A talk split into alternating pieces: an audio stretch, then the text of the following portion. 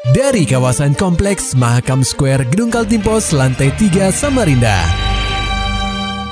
96,8 KPFM Kita akan ikuti program KP Flash News.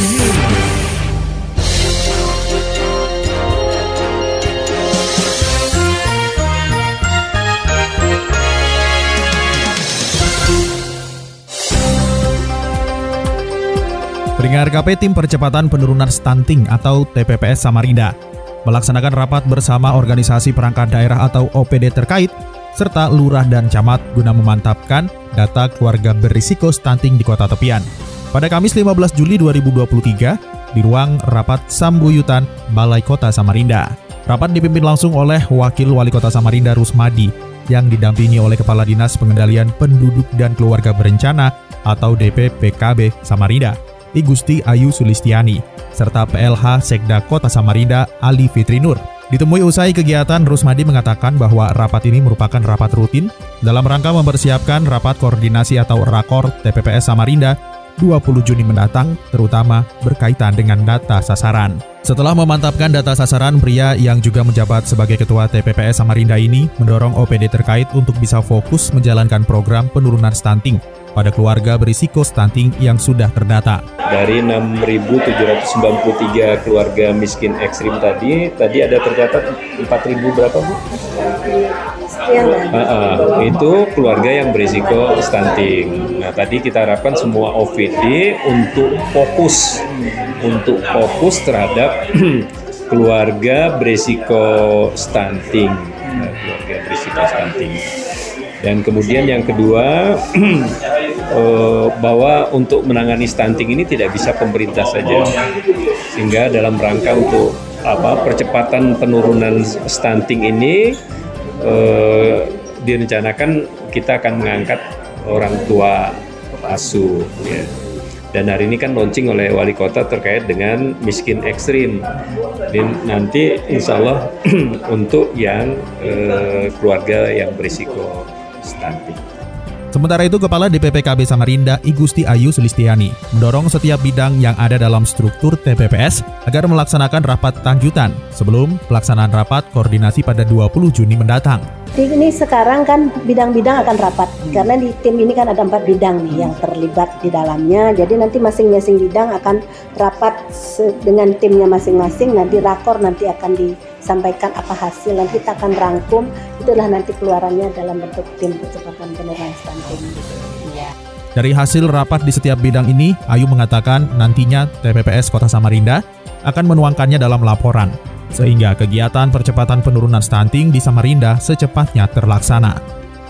Berita selanjutnya pendengar KP, IRT dijajakan temannya untuk layani pria hidung belang. Laporan selengkapnya akan disampaikan reporter KPFM Samarinda, Muhammad Nur Fajar. Gara-gara menjajakan ibu rumah tangga atau IRT untuk melayani lelaki hidung belang, perempuan 39 tahun berinisial RR harus digelandang ke Mako Polresta Samarinda dari salah satu hotel bintang 2 di Jalan Es Parman, Samarinda pada Rabu 7 Juni 2023.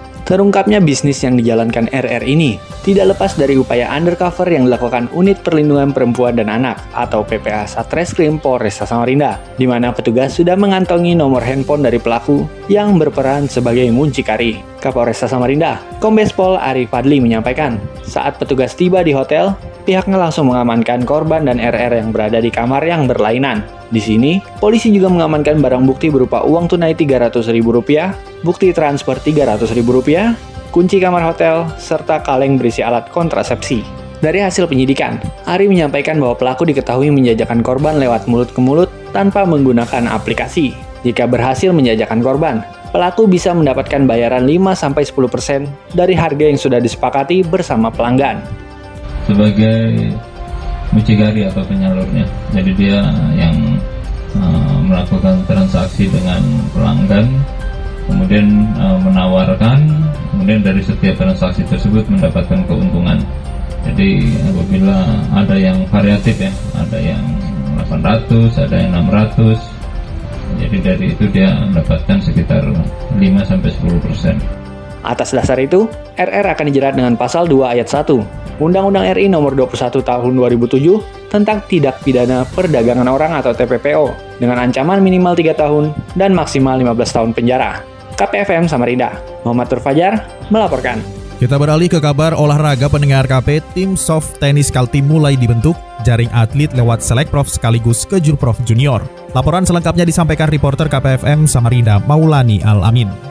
Seleksi atlet soft tennis untuk berlaga di kualifikasi Pekan Olahraga Nasional atau Prapon berlangsung di Gor Tenis, Stadion Utama Palaran, Samarinda. Ajang yang dibalut kejuaraan provinsi atau kejurprop junior itu diikuti enam pengurus cabang Persatuan Soft Tennis Indonesia atau PESTI Sekaltim, yakni Samarinda, Balikpapan, Bontang, Kutai Timur, Berau, dan Kutai Kartanegara dengan total 70 peserta. Dewan Pembina Cabang Olahraga Soft Tennis Kaltim Sigit Wibowo mengatakan, seleksi provinsi dan kejurprop junior Soft Tennis Kaltim bertujuan untuk mencetak bibit atlet. Nah, mudah-mudahan dari kegiatan kita pada hari ini tentu saja menyaring bakat-bakat ya kan bakat-bakat uh, adik-adik kita, anak-anak kita persiapan uh, prapon gitu. Nah, tentu saja kalau kita lihat dari spanduknya ini kan junjung tinggi sportivitas ya kan? Kemudian tingkatkan prestasimu menuju PON 2024 Sekretaris Umum Pestikal Tim Nur Asnan mengatakan seleksi provinsi ini bertujuan untuk menyeleksi atletnya jelang prapon mendatang. Kalimantan Timur yang mana akan dilaksanakan di Jakarta pada tanggal 9 sampai 13 Agustus 2023. Jadi kami mempercepat ini supaya terjaringlah atlet-atlet yang terbaik di Kalimantan Timur khususnya yang baik untuk putra dan putri dan kota jumlah atlet untuk persiapan prapon adalah 8 putra 8 putri KPFM Samarinda Maulani Al-Amin melaporkan Maulani Alamin, Muhammad Nur Fajar, KPFM Samarinda. Serta dapatkan berita-berita selengkapnya di www.968kpfm.co.id. Demikian tadi telah kita simak rangkaian berita-berita yang terangkum dalam program KP Flash News. Persembahan dari 96,8 KPFM. Terima kasih dan sampai jumpa.